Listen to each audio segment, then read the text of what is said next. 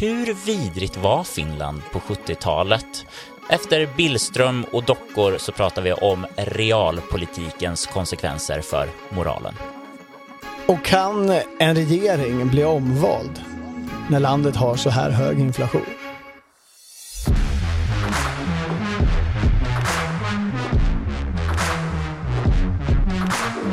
Ja, det här är Politiken med Torbjörn Nilsson. Och Henrik Tore Hammar. Torbjörn, Ja. alltså jag tänkte verkligen i söndags kväll när jag cyklade hem från bion att nu har jag det.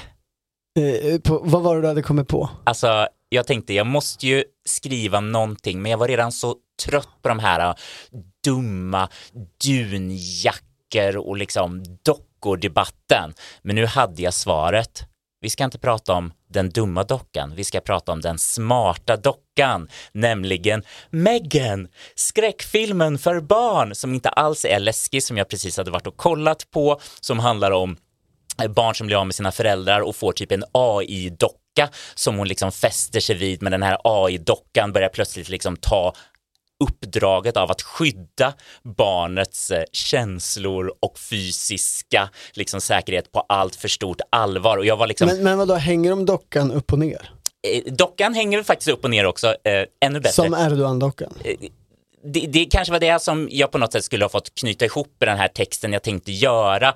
Och, och liksom så här, vi måste prata mer om AIs gränser, vad händer med tekniken, vart finns det en framtidsminister som har hand om de här frågorna? I de spåren var jag, var så fylld av detta när jag kommer hem och min make sitter så här fångad i ett sånt där äh, blått vitt, svart, glittrande sken som man ser i såna här eh, typ MTV-filmer när någon ska vara fångad av en tv-apparat. Förstår du? Ja, jag är med. Jag, är med. Mm, jag ser det framför mig. Men istället så återförs jag från den här tramsiga, tramsiga Hollywoodvärlden till en mycket bister finsk man, Jari Tervo, som är programledare för Finland under kalla kriget. Åtta avsnitt på SVT som min man Vadå, det var det ni såg alltså? Hemma, när ni skulle mysa? Nej, nej. Jag hade varit borta själv och kollat på en egen film. En Sen så- barnfilm, som jag förstår det. Mer eller mindre ja. Man kan också kalla det för en gayfilm. Okej. Det var många gays. Min man vägrade. Han bara, det verkar så Men man kan tramsigt. inte kalla det för en Erdogan-film, även om det förekom De en docka. dockor, sånt Mm, där. Det, mm. det, fanns, det fanns våld, eh, det gjorde det absolut, men eh, det, det fanns också eh, att den är så ungdomligt orienterad så att dockan sjöng Sias Titanium. Du vill tillbaka? Jag, jag måste, jag, jag hänger inte med. När du kom hem, Ja, vad var det på tvn då? då är det nämligen den här finska dokumentärserien.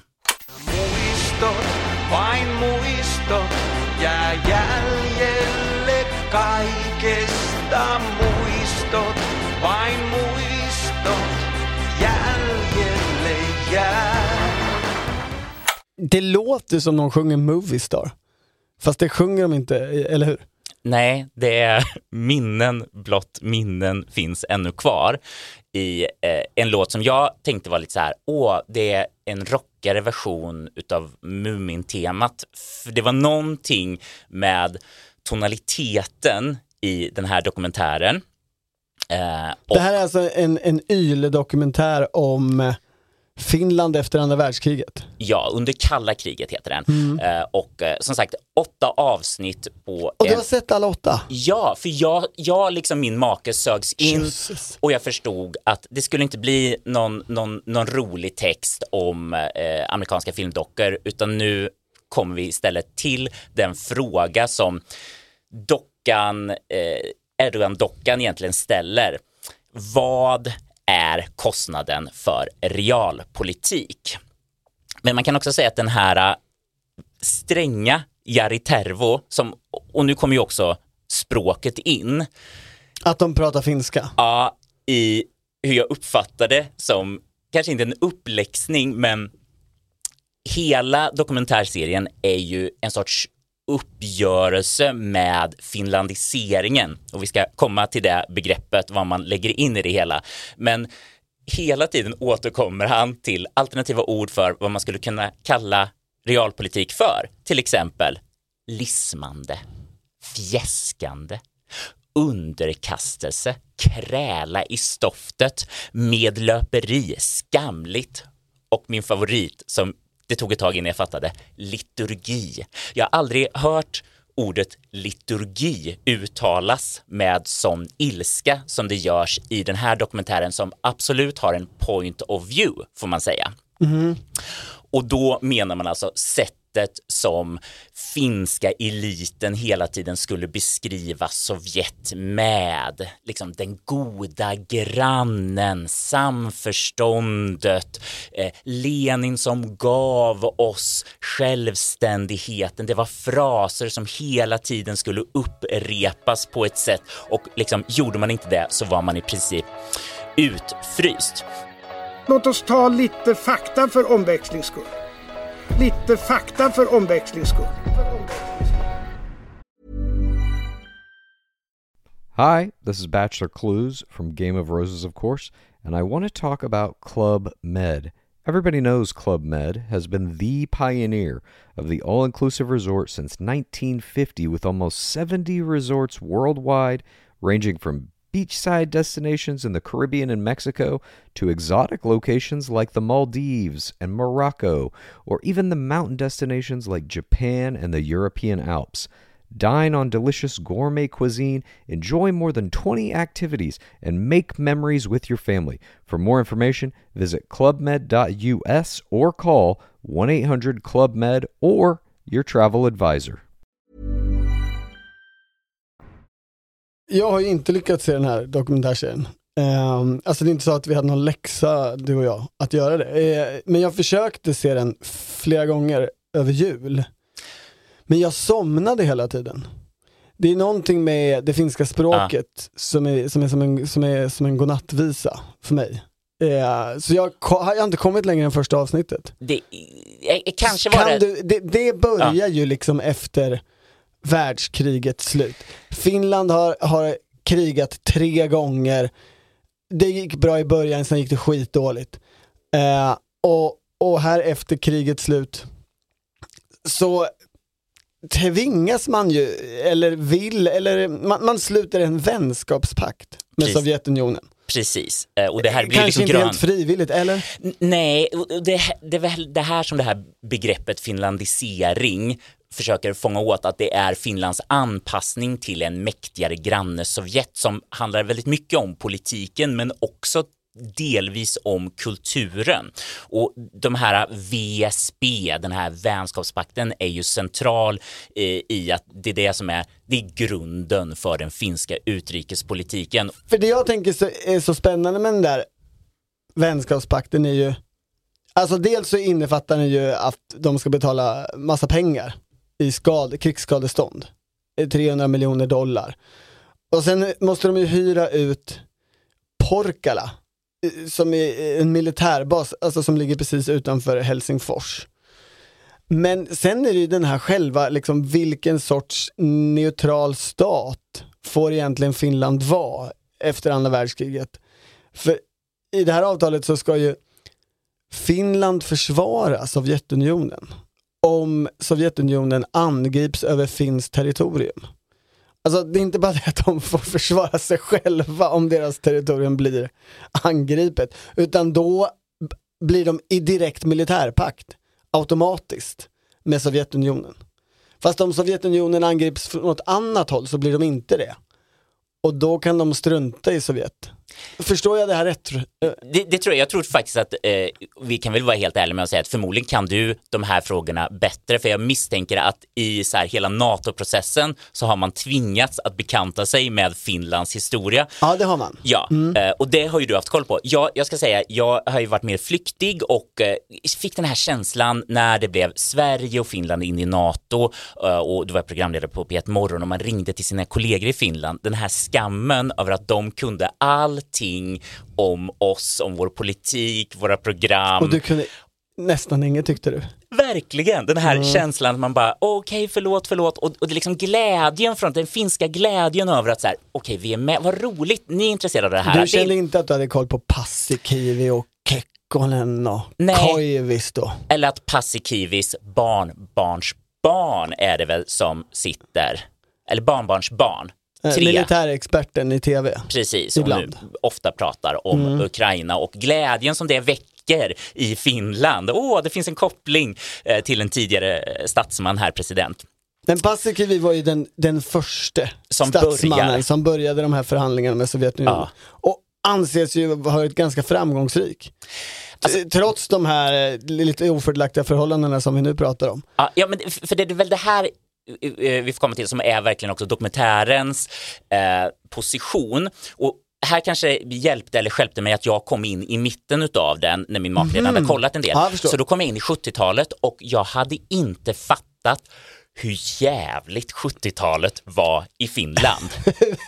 hur, hur beskriver det- dokumentären det? Nej men du vet det är typ så här åtta år innan färg-tv, man bara ursäkta mig, det är så svartvitt i allting och också eh, eh, alltså Kekkonen, eh, Som då är, president ja. och har varit jättelänge. ja, eh, Eh, han är ju det i 26 år. nej men alltså Kekkonen som man har uppfattat som så här, ja men han är liksom finska eh, folkets förtroende, han blir Alltså jag ska inte säga kölhalad i den här dokumentären, men det är ju ändå väldigt hårda beskrivningar om liksom att det är den särskilda kombinationen utav medlöperi och fräckhet som liksom gör att Kekkonen blir så omtyckt av Stalin. Att han liksom så här, jag ska dricka Stalin, skål Stalin bara, vet du vad du dricker så mycket så jag får skicka hem lite vin så du kan dricka min skål i Finland och han bara, Stalin har dött, gud vad jobbigt det är för alla, liksom den här eviga ömhetsbetygelserna för ett ruttet system som liksom eliten i Finland visste var ruttet, men ändå den här eviga eh, rövslickeriet används också som en glosa i, i det här. Han skriver ju, Kekkonen, eh, ett uttalande där när Stalin dör. Eh, om hur fantastisk Stalin var. Och det är ju lismande på ett sätt som alltså, inte ens Tobias Billström ännu är i närheten av i, i Erdogan-frågan. Du rekommenderar lite dagboksläsning om man vill Eh, eh, inspireras. eh, Man kan ju, eh, allt är relativt, Ja. är väl det jag försöker säga. Men eh, Kekkonen är ju väldigt spännande som politiker. Alltså, det, Du menar fredspolitiker som man också eh, Nej, döps det- till i det- början av den här Det är dokumentären. en era här efter, efter världskriget, alltså det andra världskriget, där det, där det är långvariga ledare eller människor blir ganska långvariga på maktpositioner i flera länder. I Sverige har vi Tage Erlander. Mm, eh, Och Kekkonen, men Kekkonen blir ju det på ett helt annat sätt. Han är ju bondeförbundare eh, som någon slags start och han liksom gammal friidrottare och blir kompis med allt och alla. Alltså han känner alla överallt i hela det finska samhället och blir egentligen så småningom det finska samhället. Och det spännande är ju att allting är i någon slags konstant oklar förhandling med Sovjet. Alltså, de tittar ju västerut och försöker hela tiden få till liksom handelsavtal. Och, och liksom de smyger med i Nordiska rådet på, på 50-talet. Det börjar med att de får liksom vara med inofficiellt. Och sen så eh, tar de sig in i, i, i EFTA som associerade, Ja. inte riktiga medlemmar utan som och, och de liksom gör något slags eget frihandelsavtal med EEC så småningom. Och allt det där får de ju i någon mening i utbyte mot att de är så lismande eh, eller snälla mot Sovjet i övrigt. De får liksom trada med väst eh, för det gynnar också, eh, alla de handelsrutterna gynnar så småningom också, också Sovjet. Men de måste krypa på knäna för Sovjet och det påverkar ganska mycket inrikespolitiken. Alltså i- princip i den här dokumentären så framställs det ju som att man upphäver grundlagarna, låter Kekkonen sitta kvar och det är det Sovjet behöver. Vi behöver veta att det, vår man Kekkonen finns där. Då får ni de här, liksom, då får ni gå uh, åt västs håll ekonomiskt. De förstår, de har egna intressen av att så här, den ekonomin blir bättre, den finska ekonomin blir bättre om de får uh, handla med andra länder. Men det är hela det här utbytet och den andra delen presenteras ju som att så här, eh, egentligen så vet alla visste att det här var ju falsk beundran eh, och, och att egentligen Kekkonen gav liksom han började, han, idén var alltid att böja sig för Sovjet, men man skulle inte böja sig mer än de behövde och absolut aldrig på eget initiativ. Och det finaste som den här finlandiseringen beskrivs som i det här, eh, det är ju en pinsamt paradoxal framgångshistoria. För det är just det här att, ja, ni kan ha varit arga, ni, ni kan ha varit arga på de här, alltså, alltså deras 68-vänster hade jag missat, missat, taistoiterna. Tai, det här kan jag inget om men, Nej, men det, okej. låter, det, låter, det låter som ett bra uttal säger jag. Ja, taistoiterna. Om du tänker dig så här, vad, vad gjorde vi liksom i väst? Ja, men du vet, kanske lite Mao, det var någon så här Pol Pot. Jag, jag vet inte, men du vet, så här, man, man får någon känsla, det var någon som var, vad hette den där, man var Storre, Sturre, Burre. Man, man gillar den här som, inte, som blev dödad. Trots, Trotta, Du, du menar trotskist? Ja, vad det nu kallades. Har, har inte du poddat i tusen år med Thomas Ramberg? Han borde ju verkligen ha Har han inte fört in detta i ditt huvud? Trotte. Kan det- Trotte? Man, han, precis, man var Trotte Ja. och sånt där. Det här gjorde ju inte den... Det var inte så många trottar, det var ju mest maoister i Sverige, men Ja. det fanns en och annan trotte absolut. I Finland, de bara, ursäkta mig, det är ju Stalin man ska hänga, hänga med. Det är ju Stalin som är liksom poängen. Deras hardcore, liksom så här bara, alltså det finns ett paradisland bredvid oss där allting är underbart. Det finns ett problem. Vi har en massa borgerliga lärare och kamrater som vi måste övervaka och titta på och bara säga eventuellt kan vi liksom eh, gå in till någon som har färg-tv så att vi får se de röda fanorna för det är liksom då kan vi inte hålla oss längre. Det är så himla starkt. Och också medias eh, medverkan i detta, framförallt YLE public service där, hur man anpassar sig gång på gång, eh, inte bara liksom hur man beskrev utrikespolitiken, vad man sa eller inte sa, att man, man skickade liksom partibokskommunister som utrikeskorrespondenter eh, och tog in också många eh, ifrån den här taistoiternas lilla goa Ja. rörelse in på YLE. Men också Helsingin Sanomat också ändrade sig, la sig ner så här, vi ska inte bråka om de här frågorna.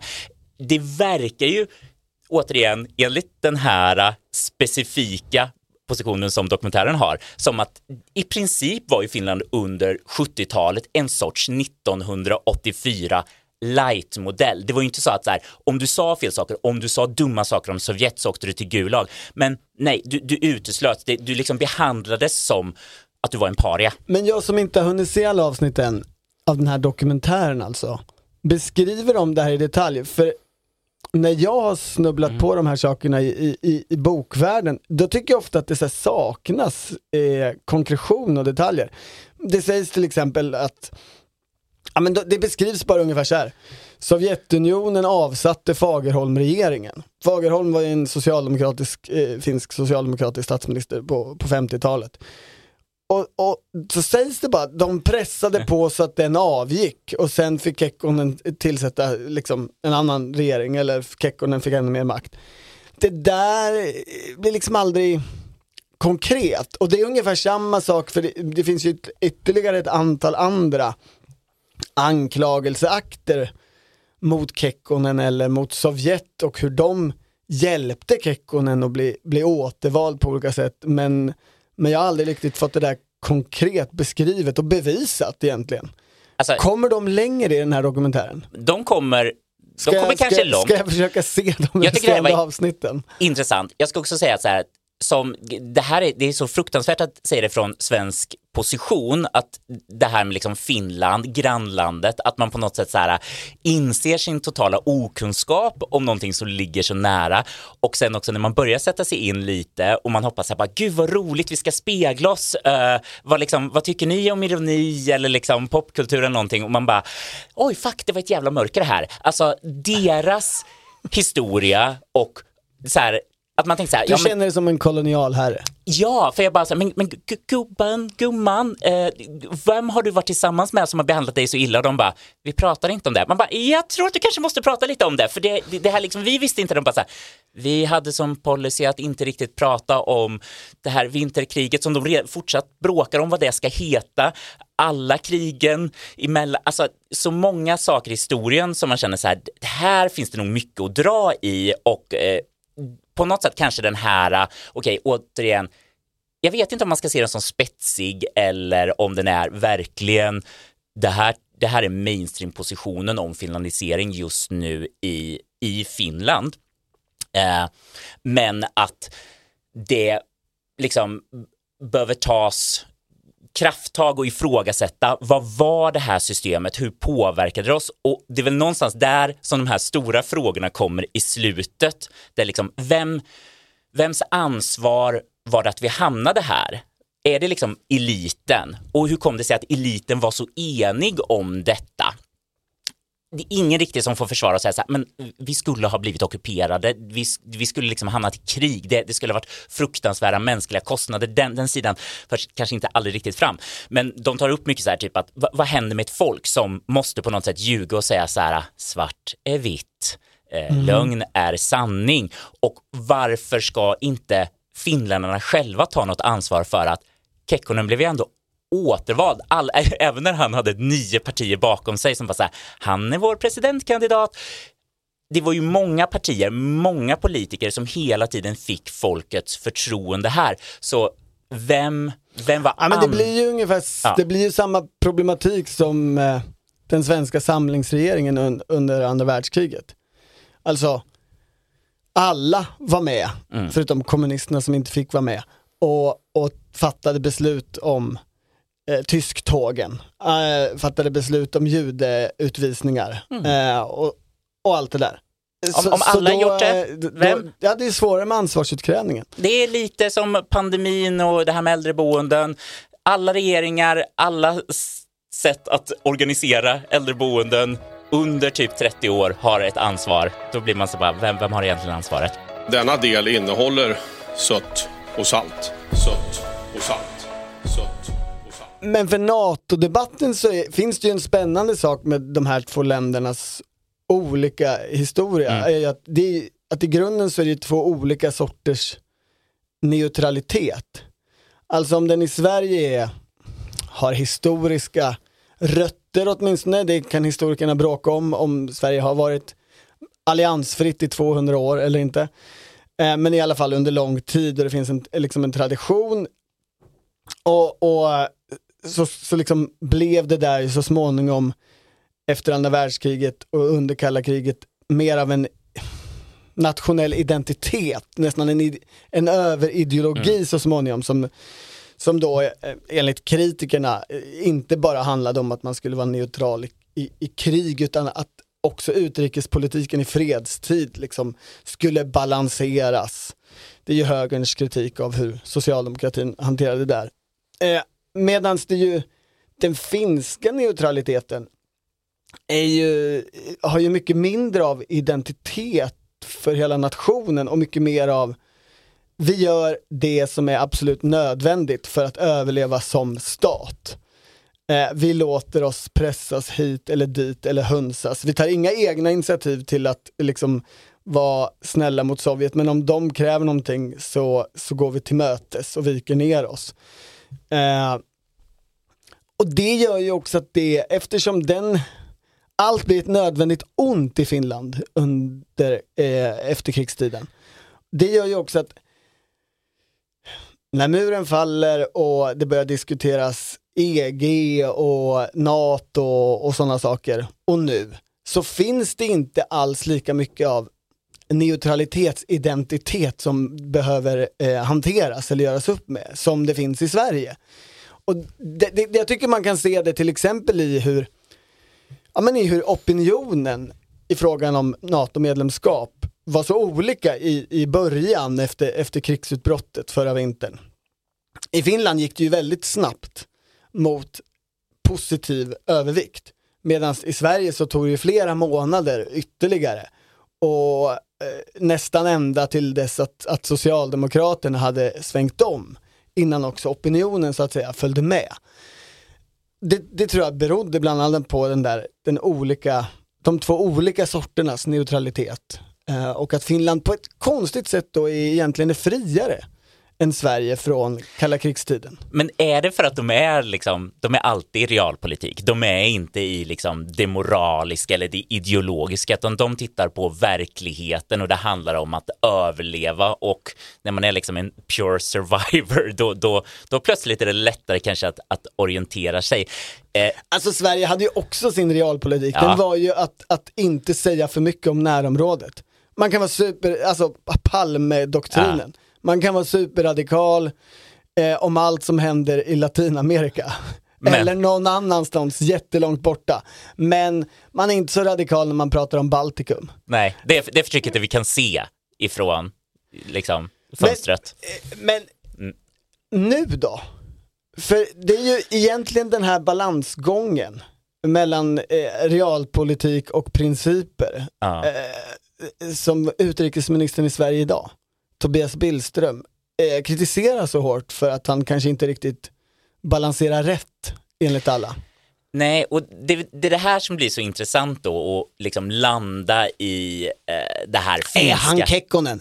Det är det som är frågan. Ja, Är Tobias Billström Kekkonen? att, att så här, liksom, man man kan tänka sig, vad är, försöka, så här, det finns principer, det finns yttrandefrihet, det finns grundlagar, det finns massa saker, eh, men om man tänker sig så här, fast poängen är att Sverige ska in i NATO, man köper konceptet att det är i NATO som Sverige blir säkra. Vad är det då liksom värt att offra? Ska vi, liksom, är det okej att vi har en eh, utrikesminister som liksom eh, markerar i typ sociala medier-poster för att typ flörta med Erdogan? Eh, eller tyder det på liksom kommer det liksom det, det de på något sätt varnar i den här eh, anti, liksom, göra upp med finlandiseringen-dockan för, det är ju att när man lever i realpolitiken, du offrar moral och det kostar. Det är liksom någonstans så blir det ett konsensus eh, där, där alla som tycker liksom annorlunda så här, du är ett hot mot liksom statens säkerhet, nationens säkerhet, att, att Finland ska överleva. Nu kanske det blir så här att svenska folket ska överleva om du hänger upp en Erdogan-docka.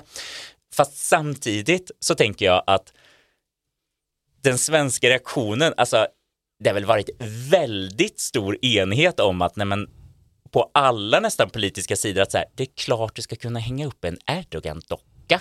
Det är liksom från höger till vänster, det här, det är så super basic. Det är osmakligt, säg det, men det är liksom, det är ingenting som är brottsligt eller liksom, det, det får man Det köpa. är inte det, så, det är inte en skenavrättning. Nej. Det var, ju, det var ju så Tobias Billström beskrev det, att det, att det var en skenavrättning av en demokratiskt vald ledare. Ja, eller, men, vi, men återigen det här att man alltid måste försöka tolka de här ministrarna och bara så här, men han menar Men det väl att det, det var liksom en två- fejkad avrättning i Mm. ett land som har varit med om eh, riktiga, av, eh, riktiga dödsfall utav en statsminister och utrikesminister. Det var väl hans poäng han försökte göra egentligen. Men, men det Ja. finns väl två spår här. Det, det ena är väl det som du är inne på, lärdomen från den här finska dokumentären, att, att själen evaporerar Mm.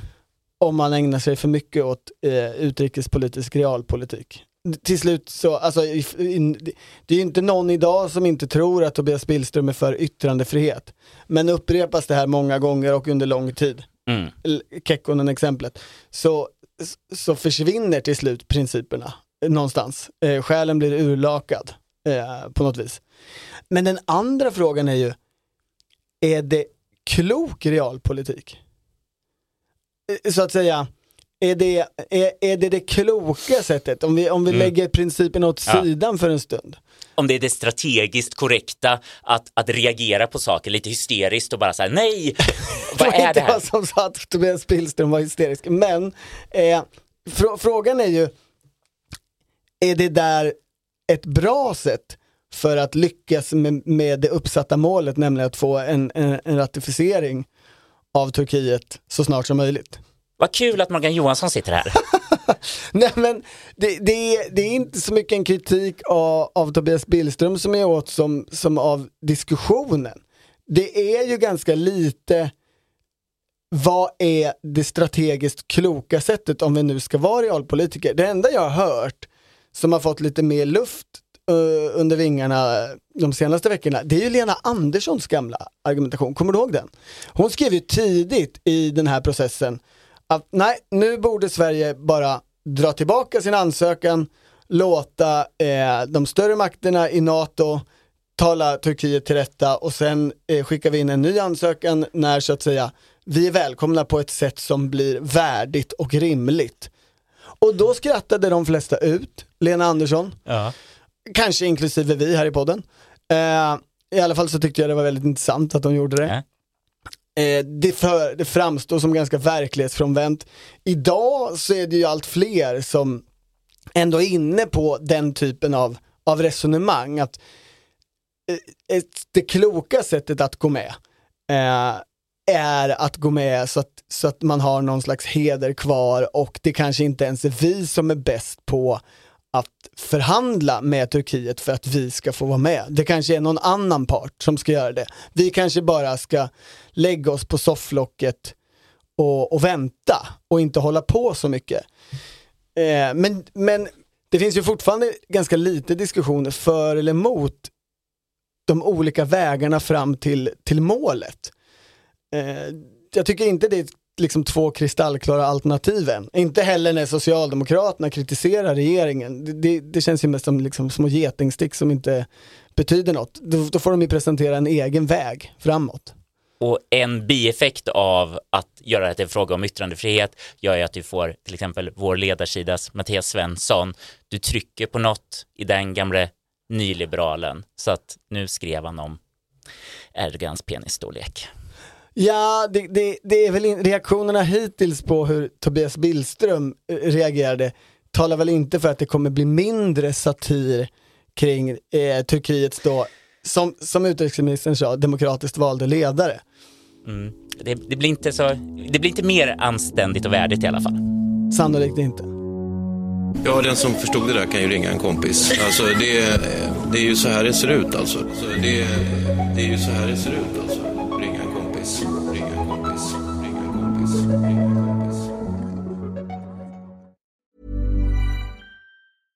Hey, I'm Ryan Reynolds. At Mint Mobile, we like to do the opposite of what Big Wireless does. They charge you a lot, we charge you a little. So naturally, when they announced they'd be raising their prices due to inflation, we decided to deflate our prices due to not hating you. That's right. We're cutting the price of Mint Unlimited from $30 a month to just $15 a month. Give it a try at mintmobile.com slash switch. $45 upfront for three months plus taxes and fees. Promo rate for new customers for limited time. Unlimited more than 40 gigabytes per month. Slows. Full terms at mintmobile.com. På tal om Finland, eh, har du koll på svensk litteraturs eh, Nej, främsta, jag säger nej. främsta Finlandsfrivilliga? Främsta Finlandsfrivilliga? Ja.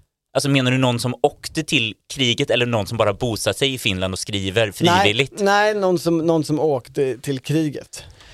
Jag läser lite då. Det sägs om blåbärskungens son att han var en lång smärt pojke, ljushårig och med lika stora blå ögon som fadern. Vid 19 gick han ut i finska vinterkriget. Blåbärskungen var då enkling och han gjorde allt för att hindra pojken. Men denne gav sig inte. Han hade sina skäl. Alltså jag ser en Elsa Beskow-teckning med skjutna sovjetiska Nej, nej, nej, det, soldater. det du ska se framför dig är ju en teckning på eh, pojkar som spelar fotboll. Det här är alltså inledningen på Max Lundgrens eh, fyra böcker om Åsödens bollklubb. Vilken eh, insikt jag får. Jaha, okej. Mm, Du, du fick lite världslitteratur till Ja. dig. Jag gick bara den här omvägen för att jag skulle få läsa det där. Det jag ska komma till är att Gösta Rehn var en annan som var frivillig i finska vinterkriget, en annan svensk. Ja. Och Gösta Rehn var ju LO-ekonom. Han blev det sen, alltså efter kriget. Ren Meiner, Meiner Ren. Exakt. Ren. Meiner-modellen. Okej, ja. ja. Och han är ju känd för mycket, bland annat den där modellen som var den ledande i Sverige under ja, svenska efterkrigstiden för hur samhällsekonomin överhuvudtaget fungerade. Men han sa också en gång, eller skrev i en artikel i Tiden, ja, någon gång på slutet av 50-talet, 57 tror jag, hata inflationen. Det här är så spännande. Och det, det Ja. tänker jag att den här regeringen som sitter nu, att de liksom kun, kan känna mentalt ett mentalt medhåll till den eh, vänsterradikale LO-ekonom. Eh, de har haft en höst där ingenting riktigt har gått deras väg. Där utfästa löften blir till grus eller möjligtvis en utredning om två och ett halvt år. Eh, och så kommer liksom bara ännu sämre prognoser, eller, eller det här är inte ens prognoser, alltså nu var det inflationssiffrorna, de reella som kom, som är uppåt 10 12 procent. Medan det i USA och i, i olika euroländer faktiskt vänder neråt och att inflationen sjunker så fortsätter den stiga i Sverige.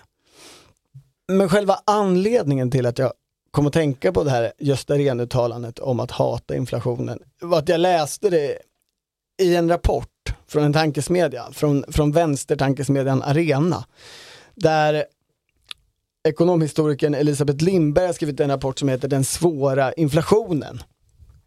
Och hon går igenom hur inflation i Sverige har eh, motarbetats politiskt av riksdag och regering och riksbank historiskt. Och, och egentligen kan vi säga så här, eh, det, det är väl ganska enkelt. Det finns en stor bärande berättelse om vad du ska göra när det är inflation. Det, det betyder att det är för mycket pengar i systemet och vad ska man göra då? Jo, eh, du ska vrida upp räntan. Du ska, vad är det, ta bort den här roliga eh, bålen, eh, liksom när, när marknaden har du så ska kul. göra festen tråkigare. Ja, det, det är så man gör. Det är liksom de metaforerna, de liknelsen och det är en enkel beskrivning. Absolut. Hennes poäng är ju att det där med att bara använda räntevapnet, det har inte ens varit så historiskt. Eh, och så beskriver hon ett antal olika tillfällen eh, och det är kanske framförallt inte tillräckligt nu. Eh, och eh, rapporten slutar i, i, med uppmaningen att det måste fram fler och andra verktyg. Eh, inte bara penningpolitiska utan också finanspolitiska och eh, bland annat så tror jag att hon verkar väldigt inne på prisregleringar. Alltså eh, helt enkelt Ja. prisstopp på energi. Alltså det är väl eventuellt, jag kan inte riktigt Spanien och Frankrike, men jag tror att deras inflationssiffror ser bra ut. Återigen, det här kan vara liksom påhittat, eh, jag har blandat ihop saker, men en tanke skulle kunna vara att om, om de ökningen inte går upp så mycket eh, genom att man sätter olika stopp, pristak, liknande, s- hur det nu funkar, vad glossan är, ja men då blir det ju inte lika hög inflation eftersom energin är så stor del av prisökningarna.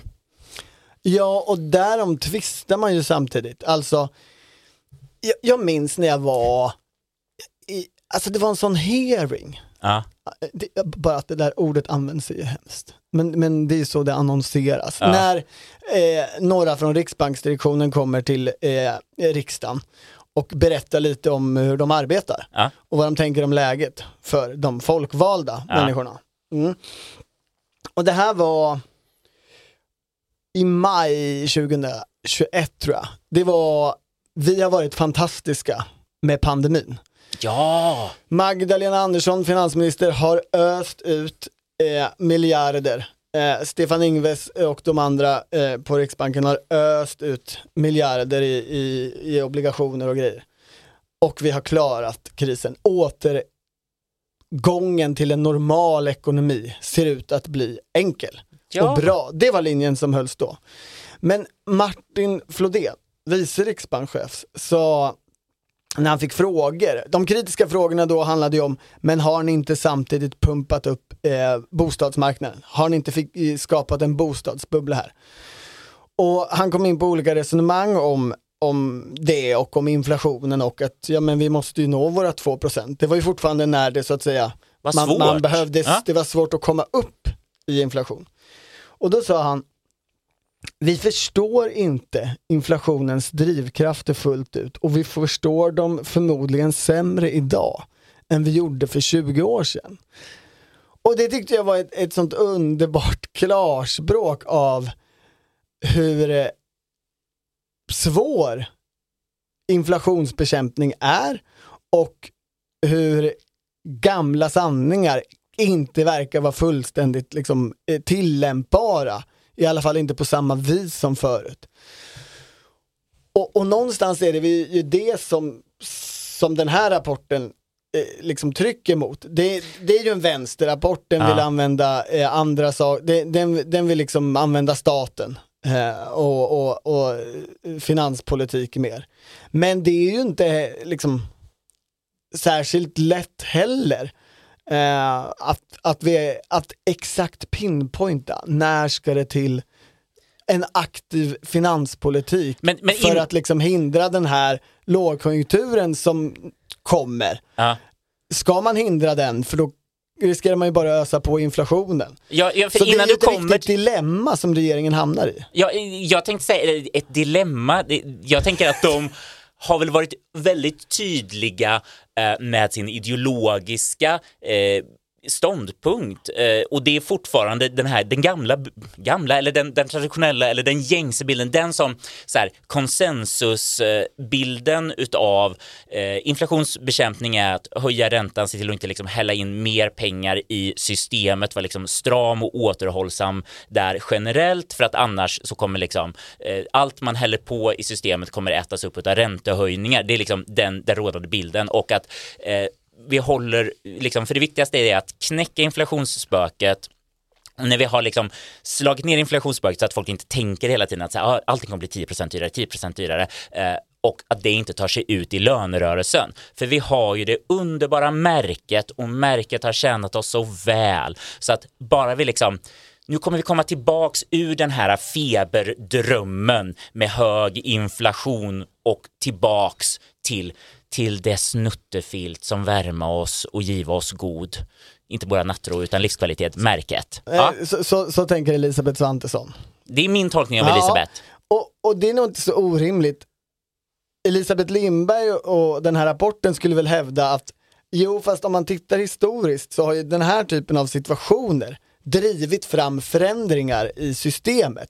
Som vi idag har ett system där, som består av, ja men där de viktiga ankarna är liksom märket i, i, i lönerörelsen, finanspolitiskt ramverk, 2%, ett rent 2% inflationsmål som den oberoende riksbanken bara ska tänka på. Eh, då finns det ju en dynamik i det här där de här den här treenigheten kanske kraschar. Alltså finanspolitiska ramverket är ju redan under uppluckring. Frågar du olika ekonomer om 2% målet idag så skulle de flesta, tror jag, säga, eller så uppfattar jag debatten i alla fall, att jo men så snart det här är över och man så att säga kan ändra målet med någon slags trovärdig, bibehållen trovärdighet för Riksbanken, då är det klart vi ska ändra det här 2% målet för det verkar ju helt uppåt väggarna. Och då kanske liksom märket också så småningom är, är under diskussion. Och det är, så, så på det sättet är det ju spännande att regeringen så att säga försöker låsa sig fast vid det rådande eh, liksom paradigmet. Ja. Men du tror att det blir paradigmskifte? Men det, men det finns ju krafter här som Ja. kan liksom sopa bort allt det. Och, och vad gör en regering då? Ska, ska jag komma med några motargument mot det här? Absolut. Låt, låt oss skjuta ner det här. för Okej, om vi tänker så här, när det var eh, liksom låg inflation, låg ränta, det, alltså det hälldes ut pengar i hela västvärlden åtminstone så här, då kom ju från vänstersidan så här, vad heter det, new monetary theory, Ja. alltså idén om så här, vet du vad, du kan låna hur mycket som helst, eh, vi har en annan lösning på det här med inflationen och högen var bara så här, nej men häller man för mycket pengar i ett system så kommer det inflation och det blir dåligt. Och MMT-folket sa bara, nej, det, inflation, det kommer inte hända. Det kommer inte hända, herregud, det var förr i tiden. Eh, nu kommer de säga så här, åh gud vad du missförstår, det var inte det vi sa, bla bla. Men nu, låt oss bara för att vara lite eh, slängiga i en sån här samtalspodd. Eh, man hade det förut. Nu så, de här timbroiterna är bara såhär, vad var det vi sa, vad var det vi sa, häller man pengar så blir det inflation, nu är det att hålla i red i byxan. Eh, och också många socialdemokrater eh, Ja. som tycker att det är så himla viktigt. Mm. Eh, men Magdalena Andersson har ju hittills Ja. inte direkt liksom plockat upp eh, den här eh, arenarapporten, eller för den delen Allan Larsson, gamle finansministern, han verkar vara inne på ungefär samma tankar. Alltså, så, så det är det klassiska i socialdemokratin. De äldre och de yngre tycker att någonting måste förändras och sen sitter Andersson och orvar. Damberg 55 år och bara, vi gör absolut ingenting. Köttpropp, total köttproppsbeteende. Dina ord, inte mina. Okej, men då kommer den här nu. Då tänker man så här, nu har vi en ny möjlighet. Paradigmskifte, det verkar sexigt om vi använder inflationen här och börjar tänka, för nu ska högern köra sin vanliga inflationsgrej och med höger så menar vi Magdalena Andersson, eh, då måste vi börja tänka nytt. Att, för, för det är många saker här att så här, eh, vi ska tänka historisk kontext, vi ska tänka på eh, liksom centralisering och decentralisering, vi ska tänka på fasta växelkurser, det är så många olika saker vi ska ha med oss. Vi ska också ha massa sociologer kommer in i det här som jag känner så här, "Va- var kom ni ifrån? Eller det var väl jättekul när, ni började prata om så här, men det låter ju lite som så här, så här eh, och så finns det en sociolog som säger att inflation är till för att lura arbetarklassen, typ. Och, och då blir man lite så här, bara, nu är det väldigt många saker som kastas in här i ett sätt som jag undrar på, så här, är det lite bara att förvilla debatten och, och egentligen, vad är, är inte huvudpoängen, vad, vad är LOs huvudpoäng? Nej men att deras medlemmar ska få högre löner. Och vad säger man nu så här, höj inte lönerna för mycket för att då blir det högre inflation. Och de bara, titta här har vi tusen argument för att du ska vara lite chillare med det här med inflation. Ja, men det går ju också ta ner det på ett rätt enkelt sätt, Ja. tänker jag. Istället för mitt Senast det var viftande. borgerlig Ja. regering Ja. så klarade man sig väl i, i den ekonomiska utvärderingen för att det var reallöneökningar, Mm. man kunde sänka skatter, folk fick helt enkelt mer kraft i plånboken eh, och när det var en finanskris så lyckades man se till, eller hade turen, att den inte berörde Sverige alldeles för mycket. Det ser ju helt omöjligt ut för den här regeringen att klara av. Den här borgerliga regeringen ser ut att bli det som Socialdemokraterna vill kalla en klassisk borgerlig regering. Eh, alltså som, Låna pengar. som får problem med ekonomin. Ja. Om det är regeringens fel eller inte kan vi låta vara osagt. Eh, kommer du ihåg Ann Wibble? Ja, om jag minns, jag, jag säga dyrkar henne, men, nej, men hon var en karaktär som jag absolut eh, har Hon en var, stark ju, hon relation var ju finansminister i Carl Bildts regering. Ja. Skrev memoarboken Två cigg och en kopp kaffe.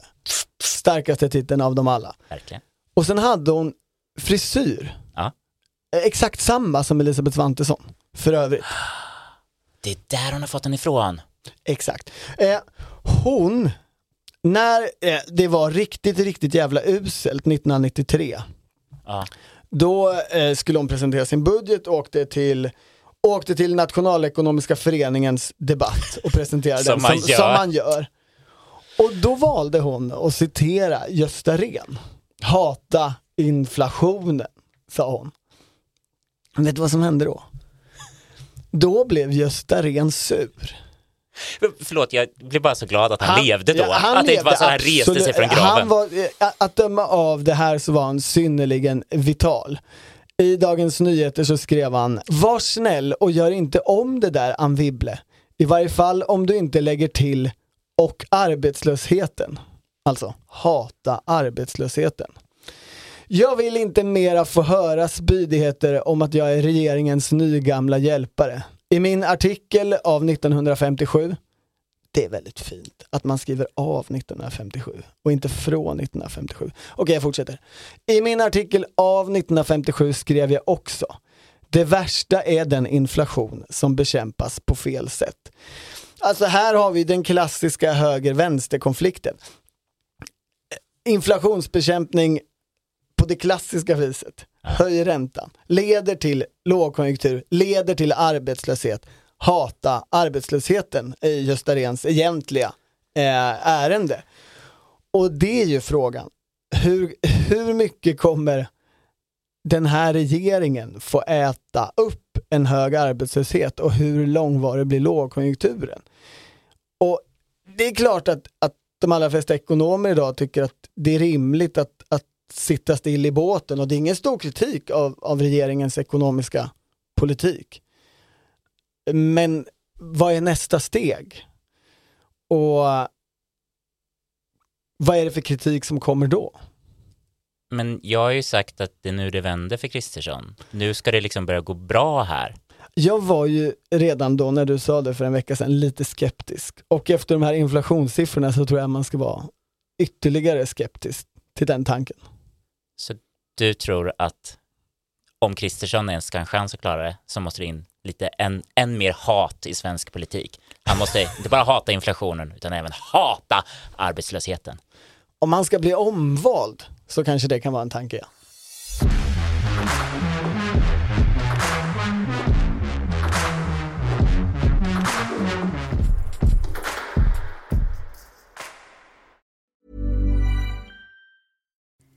Hi, I'm Kara Berry, host of Everyone's Business But Mine, and I am an all inclusive addict. Enter Club Med, the best all inclusive for you and your family. With resorts worldwide, from their family flagship resort, Club Med Punta Cana, to their only mountain resort in Canada, Club Med Quebec, they have everything you need to relax. With their 20 plus sports activities, wellness programs, you can dine on delicious cuisine and make memories with your family. So book your next getaway with Club Med. Visit clubmed.us or call 1 800 Club Med or your travel advisor.